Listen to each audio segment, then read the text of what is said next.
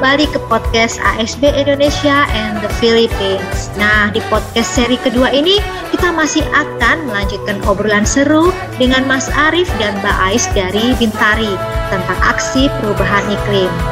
Yuk, simak perbincangan kita ya. Sebenarnya apa sih kontribusi yang bisa diberikan oleh eh, teman-teman uh, penyandang disabilitas dalam adaptasi perubahan iklim? Seperti itu. Oke, uh, terima kasih Mbak Rani. Jadi tadi juga Mas Ari sudah cerita banyak tentang kontribusi kelompok disabilitas di dalam uh, adaptasi perubahan iklim. Nah, mungkin yang paling penting yang awal sebelum kita merancang program itu kan kita ada uh, riset dan kita mencari tahu sebenarnya dampak perubahan iklim terhadap masyarakat itu apa. Nah, di situlah pentingnya bahwa kelompok disabilitas hadir sebagai sumber primer atau sumber utama apa yang mereka rasakan uh, karena tentunya riset-riset terkait perubahan iklim ini masih terbilang sedikit jika dibandingkan dengan isu-isu lain yang lebih mainstream di dunia saat ini. Uh, kalau dibandingkan dengan kesehatan, bahkan tadi sudah disampaikan bahwa dibandingkan kebencanaan sendiri, perubahan iklim itu masih di belakangnya sedikit. Gitu. Nah, akibatnya apa? Akibatnya jika kita mencari praktek-praktek baik tentang perubahan iklim itu masih sangat terbatas terutama untuk kelompok disabilitas. Jadi lebih baik jika kita bisa langsung bertanya kepada mereka apa yang terjadi, apa yang dibutuhkan, apa yang bisa diperbaiki. Nah, selain itu juga karena di perubahan dampak perubahan iklim di setiap wilayah itu bisa sangat berbeda. Jadi memang sangat penting kita langsung menanyakan ke lokal kelompok disabilitas di lokal. Di Pekalongan, apa yang terjadi pada mereka, di Magelang, apa yang terjadi pada mereka, dan sebagainya. Nah, terus peran yang kedua yang tidak kalah penting adalah dalam inovasi uh, atau merancang uh, program-program adaptasi. Jadi mungkin sudah banyak mengenal bahwa kelompok disabilitas, kelompok disabilitas yang terbiasa hidup di dunia yang eksklusif atau di masyarakat yang eksklusif, mereka pasti sudah terbiasa membuat inovasi-inovasi untuk bertahan hidup. Nah, sebenarnya praktek-praktek baik yang mereka terapkan sehari-hari itu ketika kita bisa mereplikasi uh, dan membuat itu menjadi suatu program bersama di level kabupaten atau bahkan level nasional, sebenarnya itu nanti akhirnya juga bisa membantu kelompok disabilitas yang lain. Gitu. Jadi kita juga perlu mendengarkan inovasi mereka apa dan barangkali itu juga bisa diterapkan untuk teman-teman disabilitas yang lain. Gitu. Jadi bisa dikatakan kalau uh, sebenarnya praktik-praktik baik dan menarik atau unik ya dari teman-teman penyandang disabilitas dalam apa ada ya dalam menghadapi perubahan iklim ini. Nah, karena apa namanya uh, keunikan kondisi disabilitas itu mereka kan memiliki uh, potensi kontribusi yang positif dan besar.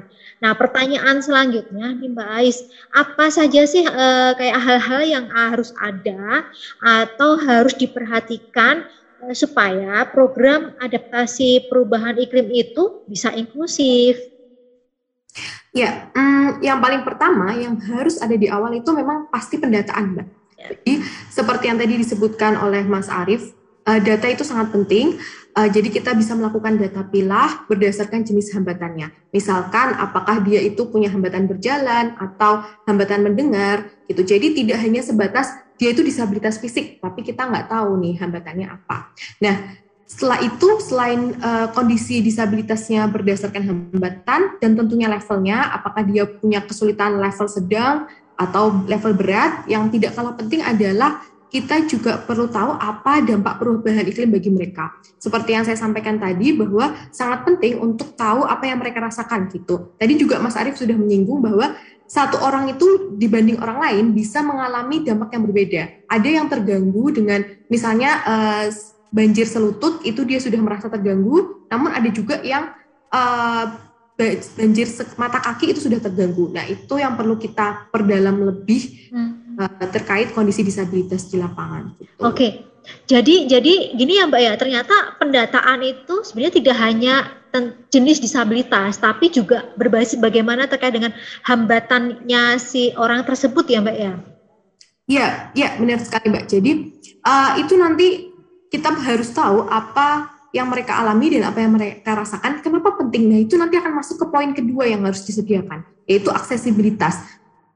setelah kita tahu apa kebutuhannya nih, misalnya dia ternyata punya hambatan berjalan sedang, dia hanya butuh uh, ini walker, dia nggak butuh kursi roda. Nah, itu akan berarti yang perlu disediakan adalah walker, bukan kursi roda. Jadi supaya tidak mis uh, persepsi, uh, akhirnya setelah pendataan kita bisa menyediakan aksesibilitas yang sesuai dengan teman-teman yang uh, berkebutuhan khusus atau disabilitas. Misal nih, kalau dia itu daerahnya kekeringan dan ternyata dia itu uh, kekurangan air, berarti kan aksesibilitas yang perlu kita sediakan adalah bagaimana mendekatkan air ke rumah teman disabilitas supaya dia nggak perlu uh, berjalan ke dusun sebelah seperti itu.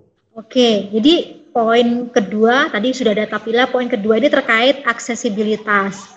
Ada lagi nggak Mbak untuk nah, mencapai inklusif ini? Ya, uh, tadi sudah ada data pilah, terus aksesibilitas. Setelah itu sudah disediakan, otomatis mereka bisa terlibat di masyarakat. Nah, yang tidak setelah itu adalah yang penting yang perlu kita perhatikan bagaimana keterlibatan itu atau partisipasi itu adalah partisipasi yang bermakna. Jadi bukan hanya sekedar hadir, kemudian menjadi boneka, uh, menjadi boneka seperti itu, tetapi dia benar-benar bisa dilibatkan di kegiatan uh, kegiatan yang ada. Sebenarnya makna benar-benar terlibat itu seperti apa? Nah, itu ketika mereka bisa membuat rencana terkait kegiatan mereka, terus mereka juga bisa benar beraktivitas dan akhirnya mereka punya kapasitas untuk menilai, oh aktivitas ini itu kurangnya apa. Nah, seperti itu. Jadi, tentunya kalau menjalani proses yang seperti itu, itu mereka butuh adanya wadah atau organisasi gitu, Mbak. Jadi, karena banyak nih disabilitas uh, wadah atau organisasi itu nanti fungsinya adalah untuk mengumpulkan aspirasi mereka dan menyeleksinya, nah proses-proses semacam itu. Gitu. Oke, bentar, bentar. Jadi intinya tadi adalah menarik ini, maksudnya uh, sudah ada ya organisasi untuk disabilitas. Itu kayak ini nggak mbak, semacam kayak apa ibu-ibu PKK itu yang biasa ada di desa-desa. Tapi ini kan uh, anggotanya kok tadi Mbak Ais cerita bukan hanya untuk ibu-ibu ya, tapi ini untuk disabilitas begitu? Iya, betul sekali. Jadi itu kalau di desa kita sebut kelompok disabilitas desa. Oh. Iya, iya. Nah, Mbak, terus kira-kira nih gimana caranya supaya uh, mereka itu bisa berorganisasi? Kan awalnya belum ya, kemudian dibentuk wadah. Nah, soalnya kan kita tahu ya kalau kita lihat nih teman-teman disabilitas itu kan banyak nih yang hanya di rumah saja, tidak ada kegiatan. Nah, bagaimana ini eh, teman-teman Bintari mendorong mereka supaya bisa aktif, ikut organisasi, nah bahkan nanti bisa aktif juga di kegiatan-kegiatan masyarakat. Nah, itu pas banget sih pertanyaannya Mbak Rani. Jadi itu itu langkah selanjutnya setelah kita uh, untuk memastikan partisipasi yang bermakna itu juga harus dis, bisa dis, dilengkapi dengan poin yang keempat yaitu uh, peningkatan kapasitas. Jadi mereka itu perlu dilatih bagaimana berorganisasi. Kalau uh, programnya spesifik menyiapkan mereka supaya dapat beradaptasi dengan perubahan iklim, maka dari awal mereka harus sudah tahu tentang perubahan iklim itu sebenarnya apa sih, global warming itu apa, dampak yang mereka rasakan itu apa sih? Gitu. Jadi lingkungan mereka itu kondisinya seperti ini karena apa? Dan lebih lanjut lagi, kira-kira apa yang bisa mereka lakukan? Apakah mereka harus mengelola sampah atau mereka harus mengelola sistem drainase dan sebagainya? Nah itu yang kita berikan uh, peningkatan kapasitas itu. Oke, okay.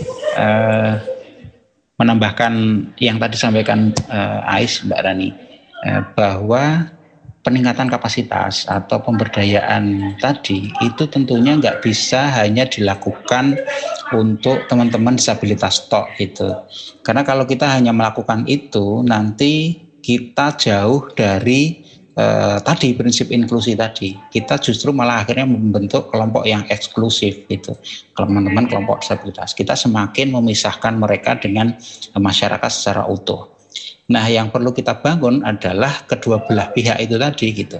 Jadi bagaimana teman-teman disabilitas ini juga berdaya bersama dengan masyarakat. Dan masyarakat pada umumnya yang selama ini mungkin tidak paham caranya berinteraksi dengan disabilitas, terus kemudian belum tanda kutip belum percaya bahwa teman-teman disabilitas ini bisa berkontribusi aktif berkontribusi positif uh, dalam hal-hal uh, di desa, aktivitas uh, ekonomi desa misalnya, itu perlu kita pastikan. Nah, dari situlah sebenarnya pemberdayaan kedua belah pihak ini tentunya harus dilakukan secara proporsional gitu, bergantung kondisi masing-masing tentunya. Tergantung level kalau misalnya di masyarakat bagaimana perspektif masyarakat terhadap teman-teman disabilitas gitu. Dan saya rasa dengan kondisi sekarang yang mulai apa ya lebih terbuka, ini saya rasa eh, akan lebih mudah sebenarnya eh, bagaimana eh, membuka teman-teman eh, masyarakat sepenuhnya untuk memberikan ruang yang setara, memberikan ruang yang sama kepada teman-teman disabilitas dalam eh, untuk berperan aktif di dalam pembangunan. Jadi kira-kira itu itu. Jadi ini intinya biar seimbang ya Mas ya. Kan maksudnya kelompok disabilitas juga nanti bisa diberikan keterampilan supaya bisa terlibat di masyarakat.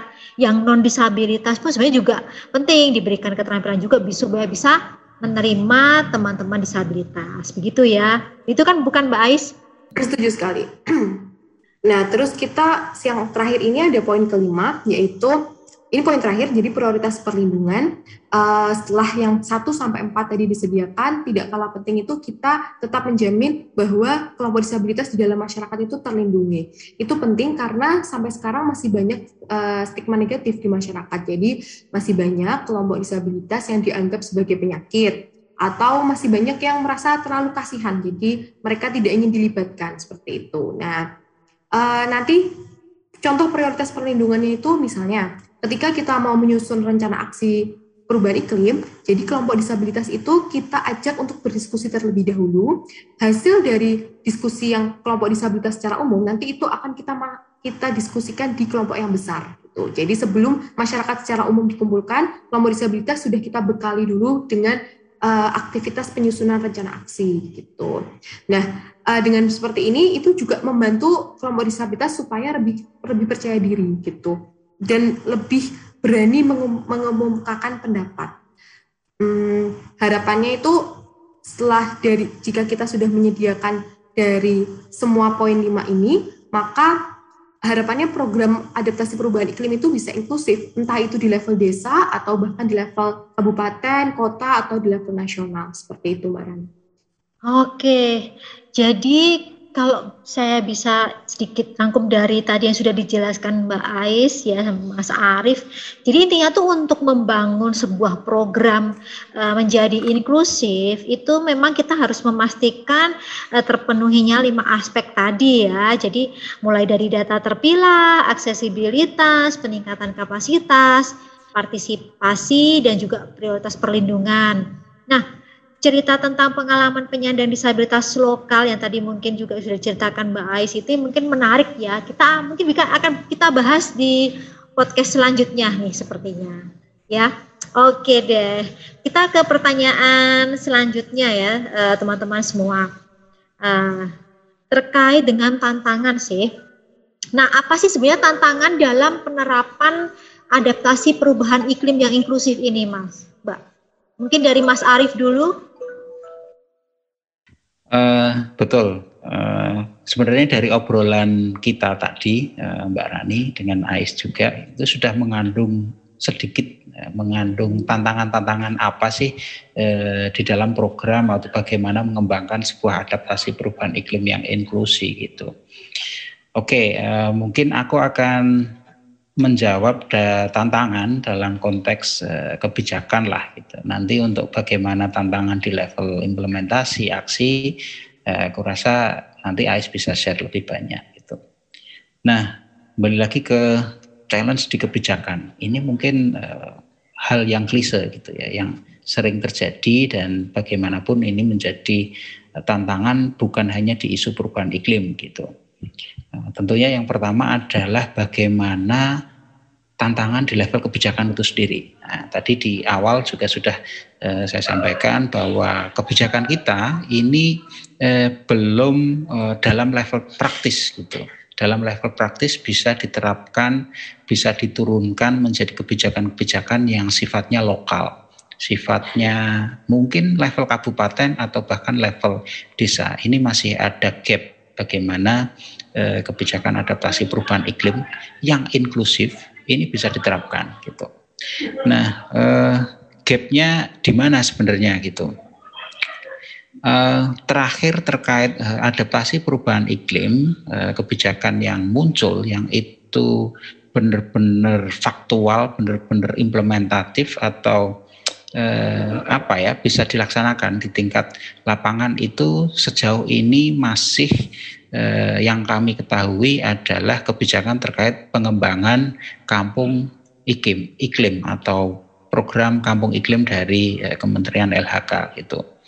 Namun eh, dari program itu, program itu cukup bagus gini eh, karena dia mendorong bagaimana aksi-aksi positif pengelolaan lingkungan yang itu berkontribusi terhadap pengurangan emisi gas rumah kaca maupun peningkatan ketahanan masyarakat dilakukan di tingkat yang terkecil, eh, tingkat kampung, tingkat RW atau bisa lebih besar tingkat desa gitu. Nah, namun e, dari pelaksanaannya sebenarnya aksi ini e, ada kejadian-kejadian di mana yang aksi yang terjadi adalah hanya replikasi-replikasi dari aksi lingkungan, misalnya membuat biopori, membuat e, sumur resapan, yang itu e, belum dikaitkan langsung dengan konteks ketahanan tadi. Jadi belum bisa diukur bagaimana aktivitas ini sebenarnya berkontribusi terhadap peningkatan ketahanan masyarakat secara inklusif begitu dan apakah ada juga eh, istilahnya benefit atau mungkin eh, nilai tambah bagi teman-teman disabilitas di dalam aksinya. Nah ini eh, sampai hari ini belum dan ini kita pelan-pelan bekerja dengan eh, pemerintah daerah juga berusaha mengembangkan agar ini lebih inklusif begitu. Kita menyadari itu, teman-teman menyadari itu bahwa ada gap eh, kebijakan. Namun yang terpenting adalah bagaimana cantolan kebijakan itu eh, harus tersedia. Nah di level perencanaan eh, mungkin perencanaan di tingkat kabupaten gitu ya. Ini ini menjadi hal yang menantang juga begitu bahwa perencanaan daerah saat ini e, harus ada semacam e, analisis atau kajian terkait e, dampak lingkungan hidupnya seperti apa. Yang itu saat ini dokumennya namanya kajian lingkungan hidup strategis. Nah, dari dalam dokumen itu dipertimbangkan bagaimana e, dampak perubahan iklim, bagaimana tingkat kerentanan dan proyeksi dampak-dampak atau risiko di masa yang datang akibat aktivitas pembangunan itu dihitung di situ itu. Namun belum ada integrasi dengan proyeksi iklimnya itu sendiri. Jadi masih ada eh, apa ya eh, detail-detail di sana sini yang ini belum eh, belum bisa terintegrasi begitu. Namun menjadi tantangan berikutnya ketika semuanya terintegrasi, semuanya ideal, maka yang harus dikejar adalah apakah kapasitas pemerintah daerah ini mampu untuk membuat sebuah perencanaan yang komprehensif itu tadi. Karena tentunya akan sangat memakan biaya tinggi dan boleh jadi itu eh, ketika eh, apa sebuah perencanaan harus dilakukan cukup dan memakan biaya besar itu menjadi tantangan tersendiri bagi pemerintah daerah. Nah, jadi pemerintah daerah sendiri dengan kapasitasnya yang seperti itu, itu juga kerentanan sebenarnya gitu. Jadi tadi ada kelompok rentan tingkat kecil, tapi ketika kebijakan atau kewajiban-kewajiban itu sangat kompleks dan pemerintah daerah eh, menjadi tidak sanggup melaksanakannya, itu juga menjadi kerentanan tersendiri.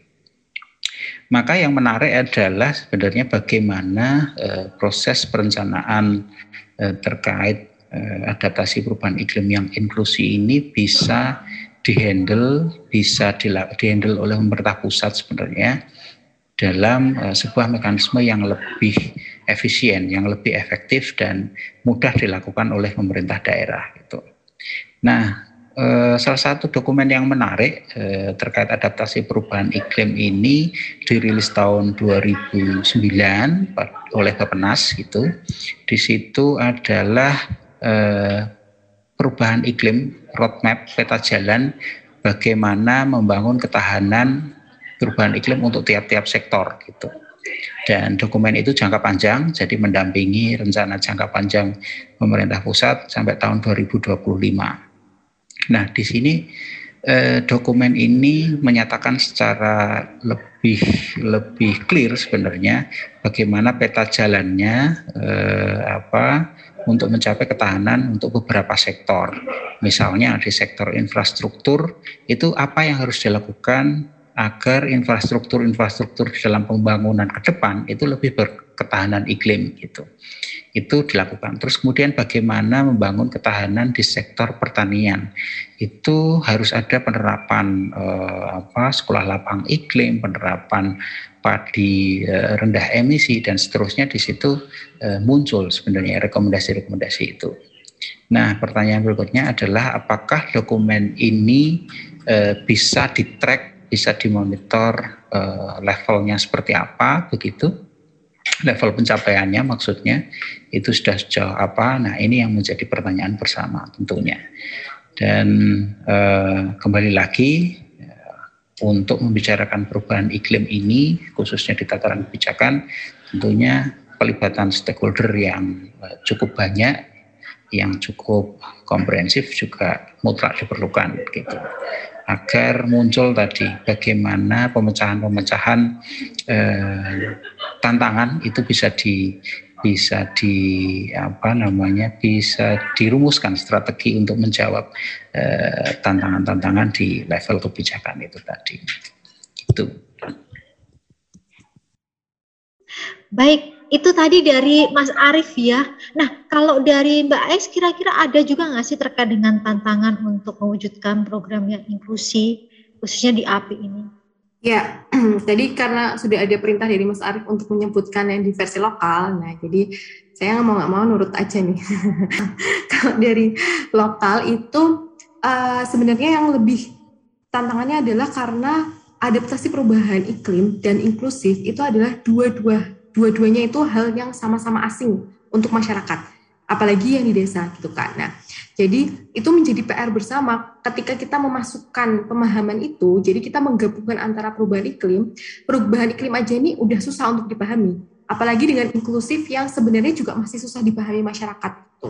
Nah, itu jadi kita butuh uh, usaha yang sangat dalam, jadi apalagi uh, pemenuhan hak-hak disabilitas untuk aspek-aspek lain yang lebih mainstream itu juga masih sangat kurang. Sepertinya seperti contohnya di bidang pendidikan, kesehatan, uh, bahkan di pereko, um, pemberdayaan ekonomi gitu. Jadi ketika kita mau masuk mem, uh, menciptakan ada program adaptasi perubahan iklim yang inklusif, tentu tetap ada langkah-langkah lain yang perlu kita jalankan untuk menuju ke situ. Jadi karena tadi misalnya angka buta huruf itu sangat tinggi, 70% kelompok disabilitas di desa yang kita dampingi itu mengalami buta huruf gitu. Nah, jadi kita juga otomatis tetap ada uh, kelas membaca seperti itu. Nah, terus yang kedua itu dari sisi disabilitasnya itu masih banyak yang uh, pesimis yang pasrah dengan kondisi. Jadi karena mereka terbiasa hidup tidak terakomodasi, hidup seadanya, misalnya banjir ya udah 40 hari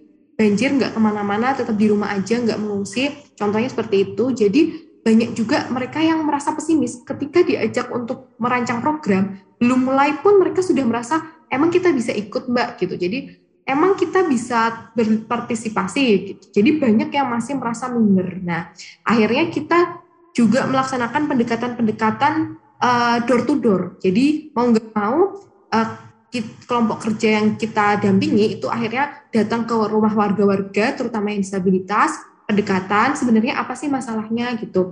Terus ngasih uh, mendekat ngasih pemahaman bahwa mereka sekarang diterima kok bahwa Pokjanya sekarang sudah berspektif inklusif dan sudah siap menerima teman-teman disabilitas di masyarakat gitu. Jadi ya masih progres lah, tapi kita ke arah yang lebih baik walaupun berprogres. Well, menarik sekali ya diskusi kita uh, pada kesempatan kali ini bersama Mas Arief dan Mbak Ais yang mulai membicarakan tentang posisi, peran, dan juga kontribusi penyandang disabilitas, serta tantangan-tantangan apa saja yang ada untuk memastikan inklusi disabilitas di dalam Eh, program-program adaptasi perubahan iklim. Oke, terima kasih sekali loh Mas Arief dan Mbak Ais sudah hadir dan membagikan pengetahuannya kepada kita semuanya. Di podcast seri kedua nanti kita akan melanjutkan diskusi tentang peran penyandang disabilitas dalam aksi iklim. Nah, diskusi ini akan dihadiri langsung oleh tamu spesial kita, yaitu eh, teman-teman uh, penyandang disabilitas dari Kabupaten Magelang dan juga Pekalongan. Akhir kata, teman-teman, mari kita buat isu perubahan iklim lebih dekat di hati dengan melakukan aksi. Dimulai dari hal kecil dari diri kita. Jangan lewatkan podcast selanjutnya ya. Sampai jumpa.